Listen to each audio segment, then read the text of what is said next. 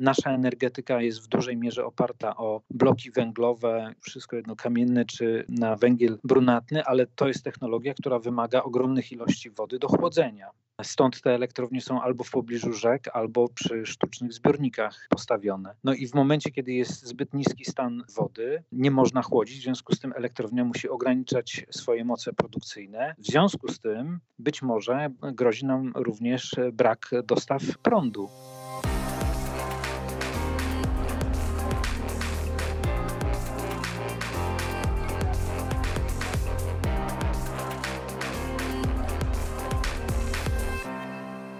Krzysiek Grzyman, Zielony Podcast. Dzień dobry. Gościem jest Mirosław Proppe, prezes Fundacji WWF Polska. Witam. Dzień dobry. W zasadzie funkcjonuje dziś y, jeden temat, jeden problem i wszystko przy nim wydaje się mało istotne, chociaż dobrze wiemy, y, że tak nie jest ani w średnim, ani, ani w długim okresie. Powraca temat suszy i w zasadzie uderza kolejny y, kryzys, tym razem kryzys wodny. Czy czeka nas susza największa od 50 czy nawet 100 lat? Bo to brzmi przerażająco. No, brzmi to przerażająco, ale niestety tak to wygląda i wszystkie dane e, zbierane przez e, meteorologów, przez instytuty zajmujące się stanem gleb i tak dalej, pokazują, że niestety ta największa susza, tak, ona nawet nie tyle nadchodzi, co już się zaczęła. Pamiętajmy, że mamy sytuację taką, że z jednej strony e, to nie była, ta zima była bardzo sucha i bez praktycznie opadów śniegu na większości terenu kraju, ale to nie była taka pierwsza e, zima i tych zim, gdzie śniegu było minimalnie i on nie zalegał i szybko znikał, było już kilka pod rząd.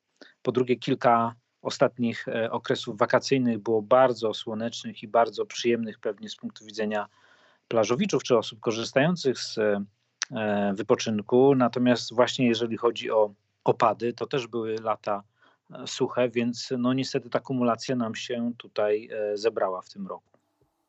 Kumulacja nam się zebrała, jeżeli spojrzelibyśmy na ostatnie 5 lat, to 4 lata suszy wypadają.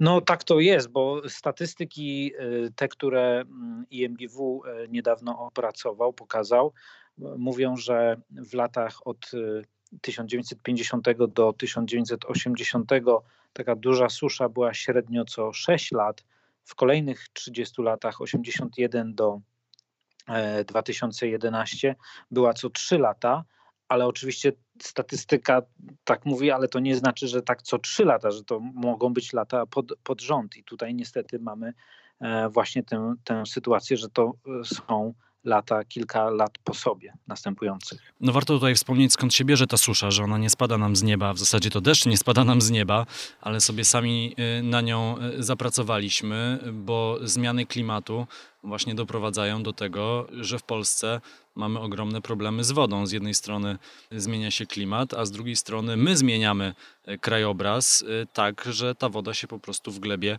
nie zatrzymuje na dłużej. No tak, tutaj są tak naprawdę e, trzy takie duże trendy, które zbiegają się i oczywiście kiedyś, kiedy się zaczynały te trendy, to pewnie tych konsekwencji nie było widać i przez dłuższy czas nie było widać, ale, ale teraz już niestety o nich wiemy. Te trendy to jest z jednej strony właśnie zmiany klimatu wynikające z działalności człowieka i tu przede wszystkim to jest ocieplanie e, planety e, poprzez emisję gazów cieplarnianych, a to zaburza wszystkie stosunki, również właśnie e, wodne, e, na całej kuli ziemskiej. W związku z tym mamy większą temperaturę w Polsce i mniej, e, mniej opadów, bo znowu drugi, drugi megatrend to jest zagospodarowanie przestrzeni.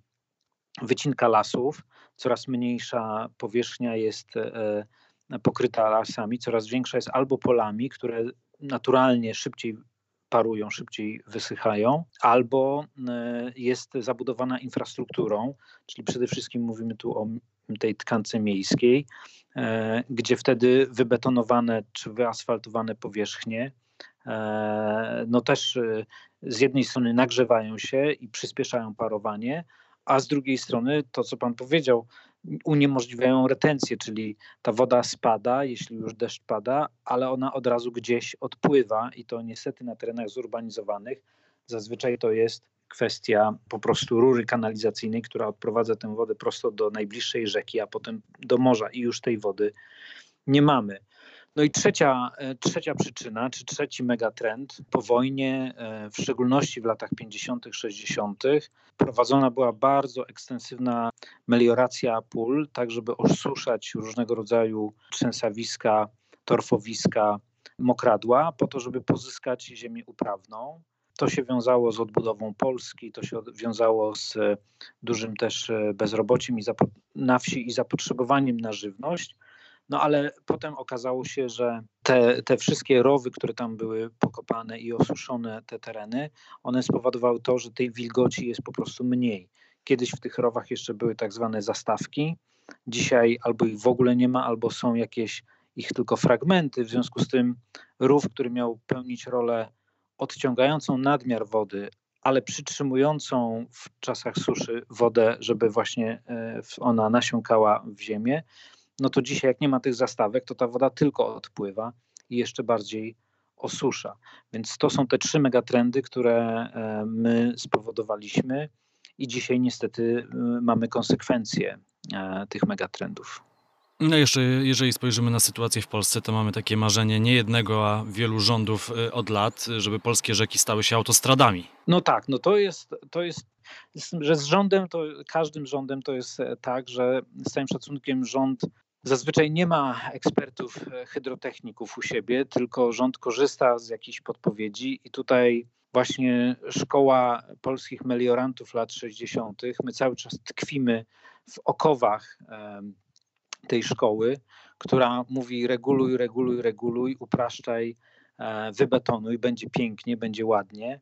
No tylko, że to oznacza, że wcale ani nie jest pięknie, bo płynąć kajakiem czy wypoczywać na brzegu wybetonowanym, a, a, a naturalnym, to oczywiście woli każdy na tym naturalnym. Natomiast e, zagrożenie jest większe, bo, bo to wszystko spływa. To jest niestety tragedia. My zrobiliśmy taką analizę, jak wiele rzek albo w sposób trwały, albo w sposób czasowy było przez tak zwane prace utrzymaniowe e, zmienione po to, e, żeby właśnie niby utrzymywać e, spławność tych rzek, ale de facto spławność oznacza w, w, naszym wydaniu polskim tylko tyle, że ta woda szybciej po prostu spływa. Ta mapa, no tu w podcaście nie możemy jej pokazać, ale ta mapa jest e, pokryta pajęczyną czerwonych kresek na wszystkich polskich rzekach. Ona wygląda strasznie. Wystarczy zrobić prosty eksperyment e, właśnie na zajęciach z przyrody, czy potem z geografii, czy, czy e, biologii, gdzie mamy taki kawałek rury, która meandruje, tak jak naturalna rzeka, i drugi prosty kawałek rury. I przez obie płynie e, woda z tą samą prędkością i puszczamy piłeczkę ping-pongową w jednej i w drugiej i mierzymy czas spływu. No i od razu widzimy, że taka meandrująca, czyli naturalna rzeka powoduje to, że ta woda płynie wolniej. My oczywiście, część e, z nas pamięta wielkie powodzie na wiosnę, które nawiedzały Polskę i były głównym punktem e, wiadomości czy dzienników telewizyjnych. E, I oczywiście wojsko na ratunek szło mieszkańcom i tak dalej, i tak dalej. Tylko po pierwsze, te powodzie były wynikiem roztapiania się śniegów i na tym przełomie temperatur pomiędzy ujemnymi a dodatnimi na wiosnę, kiedy właśnie w dzień jest dodatnia, a na zimą, a nocą jest ujemna, temperatura, te, ten śnieg zamarzał, kra się tworzyła i to powodowało zatory. Dzisiaj nie mamy takich powodzi, bo nie mamy tego śniegu. Dzisiaj mamy powodzie wynikające z tego, że spadają nawalne deszcze, czyli nagle bardzo dużo, e, takie tropikalne właśnie, bo to wynika z tych zmian klimatycznych, takie tropikalne deszcze, krótkotrwałe, ale z ogromną ilością wody i ta ziemia, która jest zabetonowana, która jest uregulowana, nie jest w stanie przyjąć tej ilości wody i wylewa. Do tego pobudowaliśmy w wielu miastach, pobudowaliśmy osiedla na terenach zalewowych. Pamiętamy wielką powódź we Wrocławiu i właśnie osiedla, które były wybudowane na polderach które właśnie w przypadku wysokiej wody miały po prostu ją gromadzić. Pamiętamy wielką powódź na Wiśle i problemy z Warszawą, z wielkim no nie osiedlem, tylko no już prawie taką mm, jakby dzielnicą na zawadach znowu teren zalewowy przed e, pałacem w Wilanowie, który jest dzisiaj zabudowany pięknymi willami.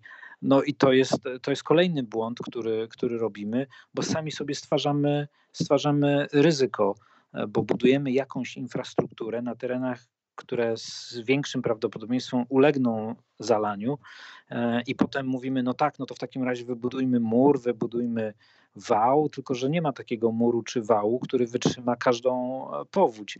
Poza tym wybudujemy dziś i nie wiadomo jak długo będziemy czekać, więc e, zaczniemy za chwilę oszczędzać pieniądze na, na utrzymanie tego wału. W związku z tym, jak przyjdzie ta wielka powódź, to wał nie wytrzyma i to jest zamknięte koło bez sensu po prostu na terenach zalewowych nie można się budować. Wiele osób, szczególnie teraz w trakcie kwarantanny, siedząc w domu, e, może tej suszy e, nie zauważyć poza wiadomościami, o ile ta informacja się pojawi. No ale taki bardzo wymierny efekt y, chyba jednak zauważymy w warzywniaku czy, czy w supermarkecie, kupując warzywa w tym roku. Znaczy, ten rok może być inny, bo trudno cokolwiek w gospodarce przewidzieć, ale wydaje się, że przy zamkniętych granicach, utrudnionym handlu międzynarodowym, to te polskie produkty mogą drożeć. Tak, i to, to już nawet nie jest coś, czego możemy się spodziewać, tylko coś, co obserwujemy. To jest e, również e, sytuacja, którą zauważają czy ośrodki badawcze rządowe, czy e, instytuty ekonomiczne. Polski Instytut Ekonomiczny wczoraj jego szef Piotr Arak. Tak, Piotr Arak puścił na Twitterze informację właśnie mówiącą o tym, że ta susza będzie straszna i że część środków e, pomocowych teraz na rozruszanie gospodarki po pandemii powinna być również e, kierowana na walkę z e, tą suszą. Także to już widzimy, ale to, to będą produkty spożywcze na pewno. Nie tylko owoce, warzywa, ale i inne produkty spożywcze, bo w przetwórstwie żywności bardzo dużo w tych procesach zużywa się wody, ale to będą też takie problemy, jakie mieliśmy, pamiętamy w zeszłym roku w Skierniewicach zabrakło wody, więc możemy się spodziewać, że w tym roku również część miejscowości będzie miała problemy z dostawą wody. Wodociągi po prostu prostu nie będą miały tej e, wody. No a to będzie oznaczało i zagrożenie dla mieszkańców oczywiście, ale również e, przestój e, różnych fabryk, które, które tej wody potrzebują do, do działania. I kolejny, kolejny element tej układanki, energetyka. Nasza energetyka jest w dużej mierze oparta o bloki węglowe, czy wszystko jedno kamienne, czy, czy na węgiel brunatny, ale to jest technologia, która wymaga ogromnych ilości wody do chłodzenia. Stąd te elektrownie są albo w pobliżu rzek, albo przy sztucznych zbiornikach e, postawione. No i w momencie, kiedy jest zbyt niski stan e, wody, e, nie można chłodzić, w związku z tym elektrownia musi ograniczać swoje moce produkcyjne. W związku z tym być może grozi nam również brak dostaw e, prądu, czy przejściowe przerwy w dostawach, e, w dostawach prądu. Więc to jest naprawdę e, rzecz, która uderzy nas nie tylko jeżeli chodzi o same koszty owoców i warzyw. No jeżeli spojrzymy teraz na skalę problemów, jaką mamy, z jednej strony pandemia koronawirusa, trudna jeszcze do opanowania, z drugiej strony susza, no i ogromny problem dla całej ludzkości, czyli przegrzewanie się planety i nasz wpływ e, na e, zmiany e, klimatyczne. No, słyszałem jednego eksperta ostatnio w radiu, który powiedział, że do pełni szczęścia w cudzysłowie brakuje nam tylko i wyłącznie wybuchu jeszcze jakiegoś wielkiego wulkanu gdzieś na świecie. To już byłby komplet nieszczęść. A jak teraz rząd będzie ustawiał priorytety, a jak powinien ustawiać priorytety w walce z tymi wszystkimi problemami? No, jak będzie ustawiał priorytety, to y, trudno jest mi powiedzieć, y, bo ani w rządzie nie jestem, ani też jakby nie, na razie jeszcze nie, nie, nie słyszymy o tych priorytetach. Natomiast to, co uważam, że e, powinno być robione, to dwa kroki. Pierwszy to jest oczywiście taki bieżący, ta walka z pandemią na froncie medycznym oczywiście, ale jeżeli mówimy o życiu społecznym i gospodarce, no to utrzymanie miejsc pracy za wszelką cenę, niestety za cenę zadłużenia się, ale to nie ma innej, nie ma innej tutaj drogi. Przez ostatnie 20 lat nie bardzo odkładaliśmy na czarną godzinę, a jak już coś mieliśmy odłożone, to skutecznie wydaliśmy na inne cele, więc e, musimy się zadłużać.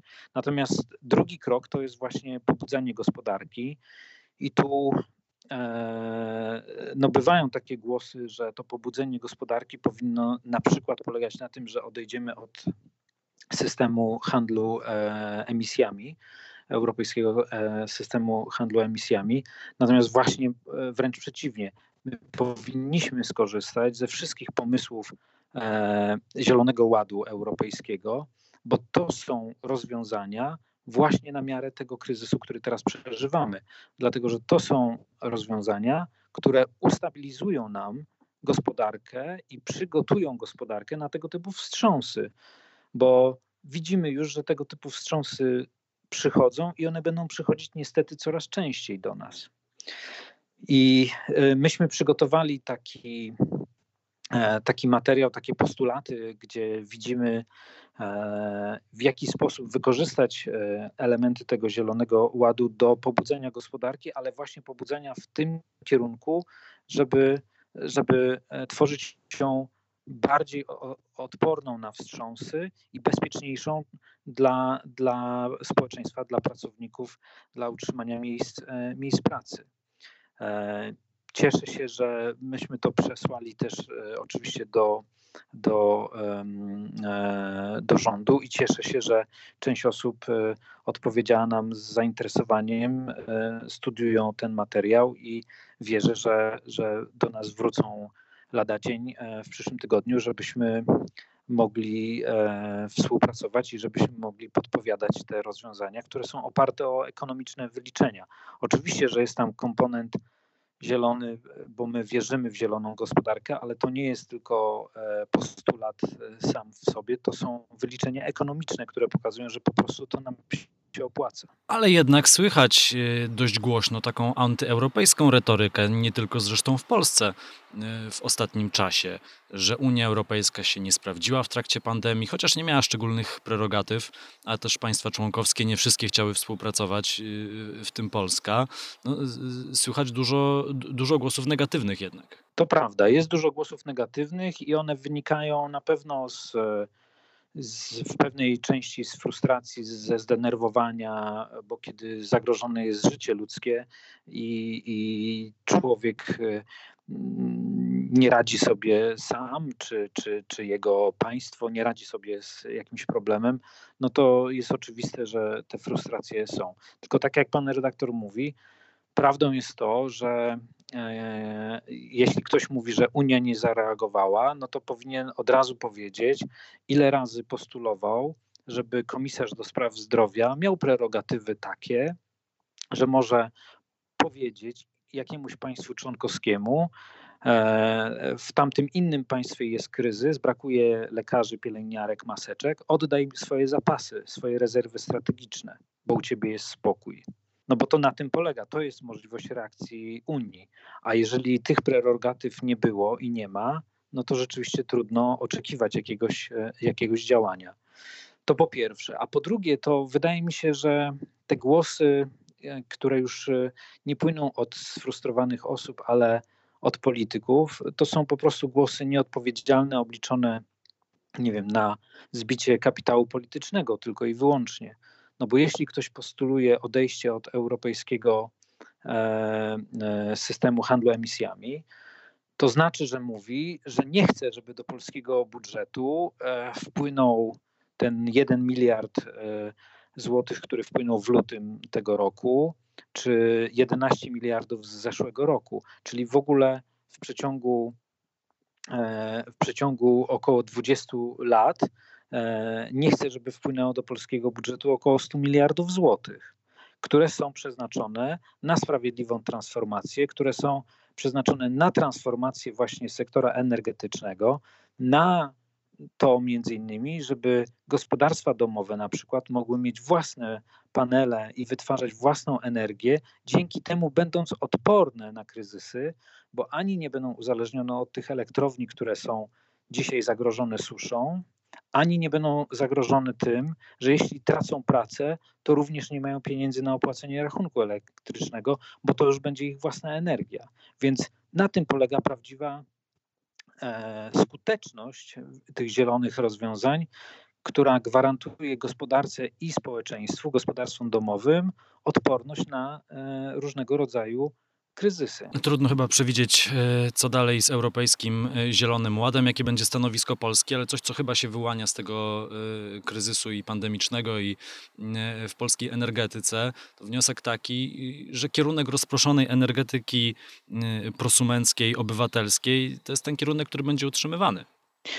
Tak, on się sprawdził. On się sprawdził i, i zresztą rozwiązania, które ten rząd proponuje, od już jakiegoś czasu rzeczywiście też e, idą w kierunku zwiększania mm, czy popularyzacji tej, e, tej formy.